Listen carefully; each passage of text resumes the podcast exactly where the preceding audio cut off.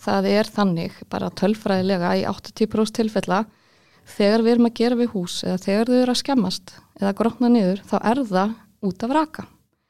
Þannig að öll áskorn í rauninni það sem við erum að byggja hús, við erum að byggja okkur skjól og þau verða að halda vatni og síðan að standa út á Íslandi þá er þetta svolítið eilíðar verkefni að halda þeim þurrum.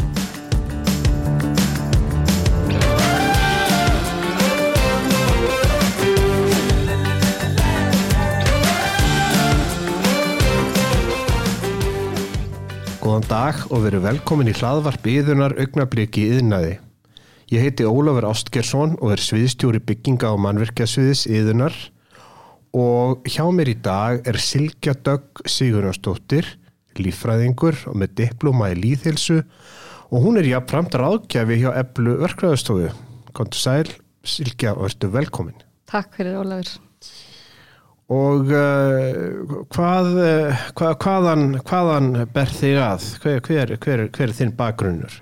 Minn bakgrunnur er að ég er með prófi lífræði og, hérna, og hef reyndar síðustu 16 ár verið að vinna einmitt við byggingariðnað.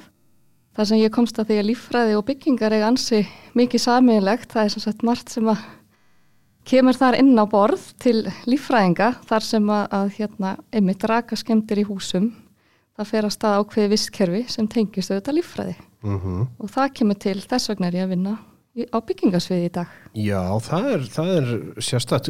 Hvað hérna, hvers vegna ferðu í líffræði uppalega? Hvað er eitthvað, eitthvað sem vakti áhugaðinn? Já, það er bara kennaran minn hann afni heimur í MR sem vakti þennan áhuga minn Mm. og það var til þess að ég fór í líffræði. Skemmtilegu kennari. Já, og hérna, og, og var þá, nú ertu nú svona þekktust fyrir það að, að, að, að fást við raka og miklu aðalega miklu. Er það eitthvað sem að, að, að þú hefur þá vantarlega svona stúdira sérstaklega eða pælt í? Nei, ég gerði þannig ekki. Nei. Nei, ég útskæðast úr líffræði og, og er svo kallar stígvila líffræðingur sem þýðir að ég er ekki á laboratóri heldur út af örkinni og er með landfræði líka sem aukafag og ætlaði mér bara alls ekkert að fara út á þessar brautir. En hvað, hvað var svo til þess að, að, að þú ferð út í þetta? Hvað, hvað gerðist? Já, það er nefnilega bara lífsreynslan að búa í rakaskemdu húsnæði sem leytti mig þanga að ég þurfti að fara að taka upp mín fræði og, og fræðast um það sem var í gangi heim hjá mér. Já, það var svoleiðis, þetta var bara heima hjá þér. Já, og Já. á þeim tíma fyrir hvað 16 árum síðan þá gat ég bara ekki leita neitt hérlendis með þekking og annað þannig ég þurfti að leita erlendis til sérfræðinga þar til að fá aðstóð bæði með húsið mitt og, og hvernig maður rannsaka þessar hluti og, og einnig bara til að ná hilsu aftur. Og, og, og, og ná, þú, hefur, þú hefur náð hilsu, annars verður ekki hér. Já, ég, Já, ég ná, já, já. lánsum að ná því. Mhm. En, en þú, ert, þú ert nú ekki, ekki eina manneskjan sem hefur lent í þessu og þetta verður þá eiginlega þaðan af orðið þitt starf að, að fást við þetta en, en hérna en uh, sko það sem að þetta náttúrulega leiðir til þess bara, þú veist, fólk spyr í dag, veist, af hverju stafar öll þessi mikla, hvað hvað er að gerast, hvað veldur þessu? Sko ef við skoðum í sögulegu samingi einmitt þetta að fólki finnst þetta að vera nýtt í dag. Og vissulega er þetta svona ný þekking hérlendis en ef við skoðum bara í sögulegu samingi biblíuna fyrir 2500 árum þá er þetta allt rita þar. Við vissum um þessi vandamál þá og jafnvel segja stundum að námskeiði hérna á yðinu í, reynsun og raka og miklusvæðum gætu við notað kaplan úr biblíunu sem kennslugagn vegna þess að það eru óbreyttar aðferðir í rauninni.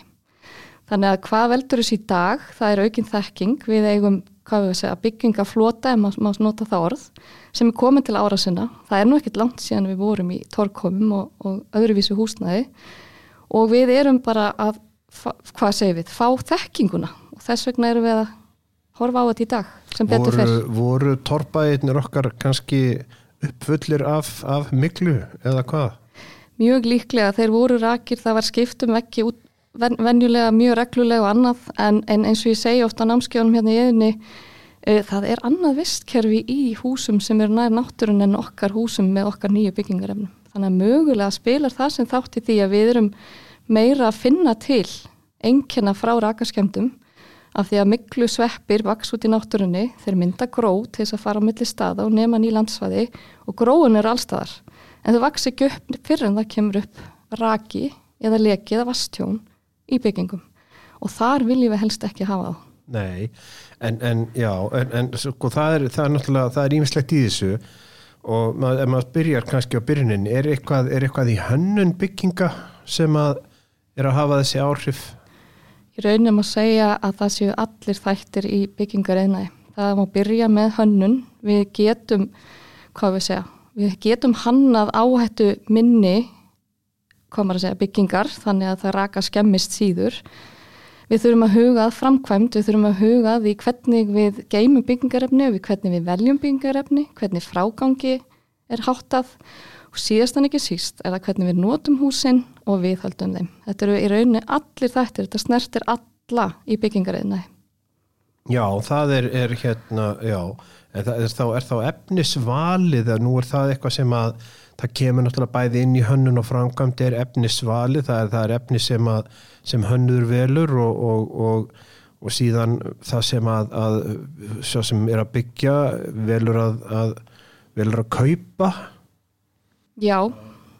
Efnisvalið eru auðvitað það sem skiptir máli. Við þurfum að velja efni sem að henda við ákveðnar aðstæður. og síðan er það að hvernig við hönnum og hvernig reynslan er, hvernig rannsóknarnar eru á þeim hvað útfærslum sem við erum að nota og við höfum lengi vel notað íslenska útvekkin og við, við, ég vil kalla það líka, við höfum notað íslenska útfærslu á þökum líka. Þannig að það er ímislegt sem við þurfum að læra af reynslu og betur um bæta í framtíðinni og einmitt að þekka efnin sem við erum að nota. Nú er að flæða til landsins ný efni reglulega og útfærslur og við þurfum þá grunn rannsóknur á því hvernig þessi efni eru að hvað bara virka Ísla, við íslenskar aðstæður. En, en sko, nú er, er ástæðan ef ég skiljiði rétt, það er náttúrulega, það þarf að vera það þarf að vera raki til staðar er það ekki, er það ekki hvað segir maður, grunnforsenda fyrir því að mikla geti, geti gróið eða hvað? Jú, algjörlega og í raunni það er þannig bara tölfræðilega í 80% tilfella þegar við erum að gera við hús eða þegar þau eru að skemmast eða grotna niður, þá er það út af raka. Þannig að öll áskorn í rauninni það sem við erum að byggja hús, við erum að byggja okkur skjól og þau verða að halda vatni og síðan að standa út á Íslandi þá er þetta svolítið eilíðar verkefni að halda þeim þurrum. Þannig að þegar að það næra leka eða raki er í miklu umfangi þá í rauninni kemur upp nýtt vistkerfi í húsum og það vaksa upp miklusveppir og bakteríur. Það losna upp gömulbyggingarefni, það losna upp alls konar gös og loftegundir og öll þessi örfur efna súpa er það sem er frábriði við hús sem að skemmast vegna raka á móts við þau sem eru þurr og í lagi. Þannig að í rauninni sko, snýst þetta svolítið mikið um það sko, hönnun og byggingum að halda rakanum úti en, en, en viðhaldið, náttúrulega það er Er, er viðhald í húsa, er því ekki ábútafant hérna? Hvernig er það? Hvernig er ástandið? Svo virðist vera að við erum oft með mjög mikið uppsapna viðhald og við höfum lítið gert okkur grein fyrir því hvaða raunni skiptir miklu máli einmitt í þessu samingi. Að við erum ofta bræðast bæði senkt við og möguleg ekki nú vel og jafnvel að laga utandira en ekki að laga innandira. Við höfum ekki gert okkur grein fyrir þeim skemmtum og afleðingum sem verða innandira þegar að raki nær í byggingarefni og þessi, hvað segir við, örfverið súpa og vist kerfi fyrir á stað. Já, það eru hérna sko, þessu, sko viðhald hefur náttúrulega verið svona hlutur sem að, að já, hefur ekki verið passan og löpa, en, en þú talar um sko íslenska veggin með íslenska vegnum áttu vantarlega við þennan hefðbunna steinstefta vegg með, með sem er og einangraða innan. Já og, og hvað hva finnst þér um hann? Uh, bara í stuttu máli sagt þá ættu við að einangra húsin okkar auðan til þess að hérna, tryggja byggingarælsfæðinu og rakaflæði í vegnum virki þannig að það sé ekki úrfelling að raka inn í miðin vegg. En síðan eh, verðum við líka að huga því að það eru til ákveðnar útfærslur af íslenskum útvegg sem að ganga betur en aðrar og ef að við erum einangra innan að halda okkur við það að, að hérna nota plasteinangrun og hellima á að múra yfir. En það er réttara að einangra utan, að halda þessum steifta kjarna klirri og þurrum og líka, svo þurfum við líka að passa það að þegar við erum að klæða utan á húsin okkar að klæðningin sjálf er ekki 100% veðurlíf. Þurfum að hafa vassvarnarlag eða vindvarnarlag þar á bakvið. Ég bakvið semst klæðninguna utan á. Já. Já, já. En nú ertu að tala um sko raunverulega þessi, þessi íslenski vekkur, þetta var í rauninni hinn hefbundna aðferði í hátt í hundrað ár. Já, og þess vegna er líka mikilvægt að, að í rauninni við eigum svo mikið af slíkum húsakosti að við þurfum einhverja reynslu rannsóknir á því hvernig við viðhöldum þessum vekkjum á sem bestan hátt og bregðust við því að því við eigum mikið á svona húsum getum haldið þeim góðum með að með aukinni þekkingu og rannsóknum á þessum vekk. Já, já, já, já, það hættu nú verið gert tölverst að því að klæða þessa veggi en það er ekki allir hrifnir af því en við tapa töpu þessu stein, steinsteipu útliti sem að margir eru hrifnir af. Já, um mitt.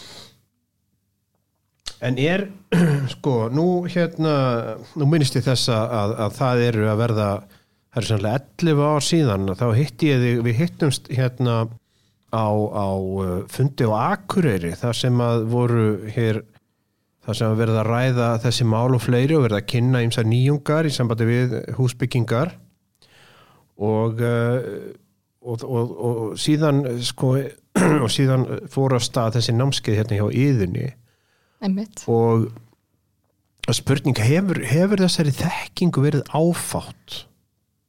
Þegar við byrjuðum, já, var þekkingunni afar áfátt og ég var einmitt, ég er að taka saman, ég er að fara að halda erindi fyrir betri byggingar og ég er að taka saman það sem hefur breyst frá því að við hófum þessu námskeið fyrir 11 árum síðan og, og kannski gaman að segja fór því að ég held við höfum næstuði fyllt hvert einasta námskeið síðan þá og bætt við, ég vil rækja mikla 2 og rækja mikla 3 en það hefur mikið breyst á þessum tíma. Til dæmis eru, eru við farin að innan gröðan, við erum farin að, reyna að velja hendur í byggingarefni í votrými og við erum farin að huga frágangi rakavatnalega og annan hátt. Þannig að það er mjög mikið búið að breytast á þessum 11 árum. Og þér finnst þess að finnst, finnast þeir bæði hönnuðir og, og, og yðna menn vera betur upplýstir í rauninni heldur en þeir voru á, á sínu tíma. Ekki spurning. Nei. Og, og fordómar og þekking er, er það sem hefur breyst mjög mikið. Já, já, já, já. Já, þetta er orðið, orðið 11 ára samstarf hérna þitt og, og yðunar og, hefur nú, já, já, þetta verið gríðarlega aðsókn að þessu vinst, þetta eru vinsalstu námskeið yðunar. En, eh, sko, það sem að hérna, já, það var nýrlega spurningin, sko, varðandi þetta, sko, hvað, hvað, hvað er þau að kenna á þessum námskeið? Hvað, hvað, er, er til ráða?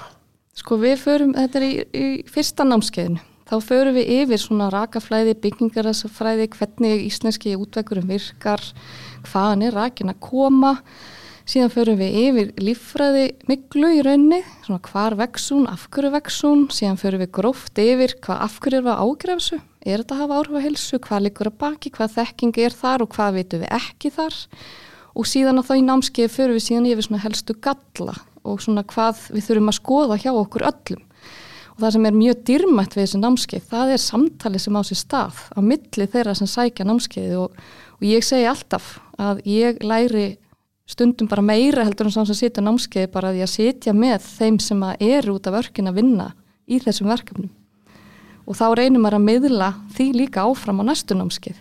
Já, þið eruð að fá, þið eruð að fá gríða mikla reynslu frá þessu fólki sem er að koma, það er að segja ykkur kemur með dæmi, sínir ykkur myndir og, og spyr út í alls konar tilfelli sem að þetta fólk hefur lendi í. Algjörlega, mjög góðar reynslu sögur og þetta er líka svo mikilvægt í þessum yðnaði að við eigum samtal og það er líka jafnvart gaman hérna hjá yðunni að það er að koma hinga tæknimenn og arkitektar og pípulagningamenn og rafvirkjar og bara í rauninni mjög breytt svið og við erum ofta að ná mjög góðu samtali á þessum námskeiðum. Rakjumikla 2 er síðan meira svona hvernig skoðum við húsin, hvernig notum við rakamæla og hvernig finnum við upptökin og orsökina sem eru þetta mikilvægast að til þess að geta lagfært, það er að finna orsökina. Förum svo yfir hvernig við förum í framkvæmdir. Og síðasta námskeið fjallar síðan um uh, raka öryggi sem er ekki síst mikilvægt og sérstaklega í nýbyggingum og viðhalsaðgerum að hvernig við tryggjum að við byggjum vel úr því efnum sem við höfum, höldum þeim þurrum og fylgjumst með á byggingatíma til að tryggja. Þetta er svona forvarnar námskeið, mm -hmm. síðasta námskeið. Þú hefur, já, þú hefur hérna, þú hefur verið með tæknimenn með þér á hverju námskeið. Hverjir, hverjir, hverjir eru það sem já. hafa verið með þér hérna, sam, samkennar þínir Ég er svo heppin að fá alltaf frábæra tæknimenn með mér og hann Kristinn Aleksandarsson hjá Vaffisó hefur verið með mér frá upphafi í eitt og hann Benjamin Ingi og Kristmann Magnússon hafa verið á námskeiðu 2 og svo er hann Eiríkur Ástvald Magnússon sem að ég vil titla bara byggingaræðlisfræðing í dag, hann er með okkur á námskeið þrjú, þannig að þekkingin kemur víða af. Já, þannig að þið eruð að fara í gegnum, þú ferði í gegnum lífræði þettina og, og, og þeir og þið í bland varðandi, varðandi alla tæknina sem að, að, að þessu snýr og, og þessi ótal tilfelli og allt það. Já, tökum dæmi og förum yfir það sem betum að fara. Sko tengt þessu er, er annað sem að, að, að þú hefur líka verið að fást svolítið við og hérna hefur faldið, haldið fundi og ráðstefnu varandi gæði innilofts. Já. Og, og þá er einlega spurningin sko hva, hvers vegna að skipta gæði inniloft svona miklu máli? Bara í gróðum dráttum ef við bara hugsaum um veðri í dag, snjókoma allir búin að vera inni þá eru við 90% tíma okkar inni í húsunum okkar og inniloftið er eitt, eitt starsti umhverfstáttur og við tökum hvað að segja 20.000 andadrætti ári nei á dag myndi ég og það vissulega skiptir máli hverju við öndum á okkur og allt sem við tökum inn í húsun okkur, allt sem gerist inn í húsunum okkur sapnast upp þar inni og við öndum því á okkur og þá þurfum við svolítið að vera meðvitið um það hvað er í gangi og loftræsing er einna mikilvægst í þátturum þar að þinna út og fá inn færst útloft fyrir inniloftið En er við, við, er, við erum ekki að loftresta nóg eða hvað? Nei, í mörgum tilfellum er því ábátavant og hlut af skýringun af því er að við erum með, hvað ég var að segja, gamla húsgrupa, það sem var ekki krafa um loftræsikerfi og stundum er þetta skólahúsnæði, önnur ofnbær húsnæði, það sem er erfitt að koma fyrir nýjum kerfum þannig að loftræsingu í rýmum þar sem að kannski er að koma upp rakaskemdir eða er einhver vandamál, þau oft verða í raunni koma sér alvarlegri og verri heldur en þið þurft að vera ef það væri góð loftrasing. Já, og, og við erum heldur ekki að, við erum ekki nú dölöf við að opna klukka, eða hvað? Nei, það má segja það. En sem betur við finnst mér að aðeins búið að breytast með aukinu umræðu að við þurfum átt okkur að við þurfum að fá ferska útiloftið inn, en dagarnir eins og síðustu dagar, það hefur ekki verið mikill möguleiki að opna klukka og, við þurfum líka að hugsa um aðgengja klukkum, eða úr í kennslustofi og þarf að príla upp í klukkakistu í hvert skipti þá er ekkit auðvelt að opna glugga og sumir skólar sem hafa verið ágjöf hjá okkur hafa einmitt bara sett rafrænu opnun og, og það hefur breytt ímsu. Það er hægt að auka aðgengi og tryggja það að það sé mögulegt að lofta þessa. Já, en, en, en semst, þið eru að mæla með því að al, bara almennt með nótkunn loftræsikerfa, það séu að þeim séu komið fyrir bara helst það sem, sem mögulegt er. Í raun og í byggingareglu gerðar það mjög skýrt í dag og sérstaklega með skólahúsnæði hverja kröfunar eru. Já, betur loftskipti því, uh -huh. því, mhm. betur, því betur líður okkur og, en að samaskapi þurfum við líka að hafa aðgengi að glukkum og, og, og náttúrunni eins og við segja alltaf við þurfum alltaf að vera í snertingu við útiloft líka, færst útiloft Jújú, það er, er hotlast á loftið, Já. ekki satt? Jújú Nú, svo hérna náttúrulega kannski í framhald af þessu eða kannski ekki bara í beinu tengslum við þetta sem, að, sem þú hefur verið að gera og, og, og þið í sambandi við sagt, námskið og námsefni uh, ykkur hefur þótt skorta á að, að, sko, námsefni og, og fræðsluefni um þessi mál og þið voruð að starta námskiði sem að, sem að heitir sko, þarfagreining námsgagna vegna rakkaðurikis Já, við vorum sem sagt að fá styrk frá samtökmiðinarsins, framfara sjóði uh, og það kemur emmi til út af kennslu hérna hjá yðinni að við erum búin að hitta svo marga í gegnum árin og það er eiginlega svona einróma ákall frá þessum aðilum að það skorti á námsefni og þekkingu í grunnmentun uh, í öllum stjættum af því að eins og ég sagði byggingar skemmast eða vegna raka og þetta snertir í rauninni alla aðila á mismunandi hátt vissulega og við höfum verið að fara að heimsækja tekniskólan og, og svona ímislegt og hitta nefnendur og þar er einmitt líka bara hefur komið fram það vantar þessi, þessi gögn, það vantar námsefni, það vantar eitthvað skipulega á þetta. Og okkur langa að sækjum styrk til þess að finna út hvað er til og hvað vantar og hvar getum við bætt í það sem vantar. Og það, út af það gengur verkefnið að hitta þá alla hagsmuna aðila og jafnvel nemyndur og fá okkur svona svolítið til að vinna saman og svo allir eigi eitthvað í þessu, þessum, hérna, þessum gögnum sem að mögulega verða til. Til þess að verði nótuð við áttum okkur alltaf á því hvað eru mikilvæg og mikilvægt að við vinnum þau saman. Og þið ætli sínast að þið ætli að ræða við, hvað sér, alla hagsmuna aðla uh, kennara og, og, og, og fólk og og hérna, hvar, hvar haldið þið að sé, er skortir þetta á, á öllum sviðum, eru, eru, eru byggingar eðlisfræði fyrir framhaldsskóla ekki til eða hvernig er svona, hver, hver er staðan svona, hvert er svona ykkar haldi upphafi verkefni sem um hver staðan sé á þessu? Já, svona upphafi og við erum aðeins byrjuð að skoða þetta að byggingar eðlisfræði er mjög áfátt og raka öryggi, það er að, að, gera sig grein fyrir að hafa efni þurr á byggingarstað og í rauninni tilgang rakavegnalags og bara almennt rakaflæði í byggingum, svona grunn hugsun í því hvað og líka bara hvað gerist þegar eitthvað blotnar, hvernig get ég forðaði að verði vandamál síðar. Þannig að það er svona fyrsta tilfinningin er að við þurfum námsgögn sem að í rauninni allir geta nýtt og allir geta tilenga sér. En mismunandi að millist jætta auðvitað, að mismunandi mikilvægt hva, hva, eða hver, hver kemur að. Já, þið, og, og í rauninni er það ekki, það er, er þá þegar þið eru búin að kortleggja sko hvar, hvar þörfin er að þá er mentalega næsta skref að, að fara í að gera slikt efni og, og, og útbúa það og gefa út eða hvað? Algjörlega, það er akkurat, það, þetta er svona grunnvinnan til þess að við séum nú ekki að búa eitthvað til sem er þegar til eða búa til eitthvað sem er ekki þörf á og líka bara til þess að við séum öll saman og finnum saman út úr því hvað þarf og hvað geti gagnast best. Já, já, og þetta er rauninni ekki bara, þetta er ekki rauninni bara framhaldsskólar sem er að kenna byggingagreinar, þetta er að við erum að tala um háskólastíði líka eða hvað? Sko við sóttum um í aski fyrir að halda áfram einmitt þetta og útfæra þetta verkefni líka upp í háskólana. Þannig að það sem við erum að einblýna núna eru eingreinarnar, grunn, grunnnámið. Það er náttúrulega, það er, það er, það er grunnurinn. Já. Mm. En það, það er mjög mikil jákvæðni og vilji fyrir alla aðila að taka þátt í þessu verkefni og það er mjög ánægilegt. Já, þið hefur fengið, fengið góða mótugur. Góða mótugur, já. Já, já þetta er, er, er hérna, þetta á, á, á öruglega eftir að skila sér og, og náttúrulega íðan tekur fullan þátt eins og, eins og við höfum gert og vilja gera í þessu sko, þannig að hérna að þið viti alltaf hvað þið hafið okkur. Já, takk fyrir það, heldur betur. Er eitthvað, er eitthvað varandi þessi mál sem að, eitthvað sem við eigum ósagt, eitthvað sem þið finnst að, að þurfa að koma fram í þessu? Uh, Ég held bara að við þurfum bara öll að tilengangur að byggja betri hús og öllum stegum málsins og taka öll til okkar. Við þurfum að miðla reynslu og þekking á milli, milli okkar allra, milli fagstétta og kynnslóða við þurfum að halda utanum þekkingu á mitt þessum eldri húsakosti og hvernig við viðhöldum honum og, og, og gerum hann betri og þá held ég að einmitt námsgögn og þekking og fræðsla sé raunni grunnur en að því. Við látum þetta verða að loka orðin Silkja Dögg, Sigur Ástóttir ég þakka þið kærlega fyrir komuna. Takk fyrir mig.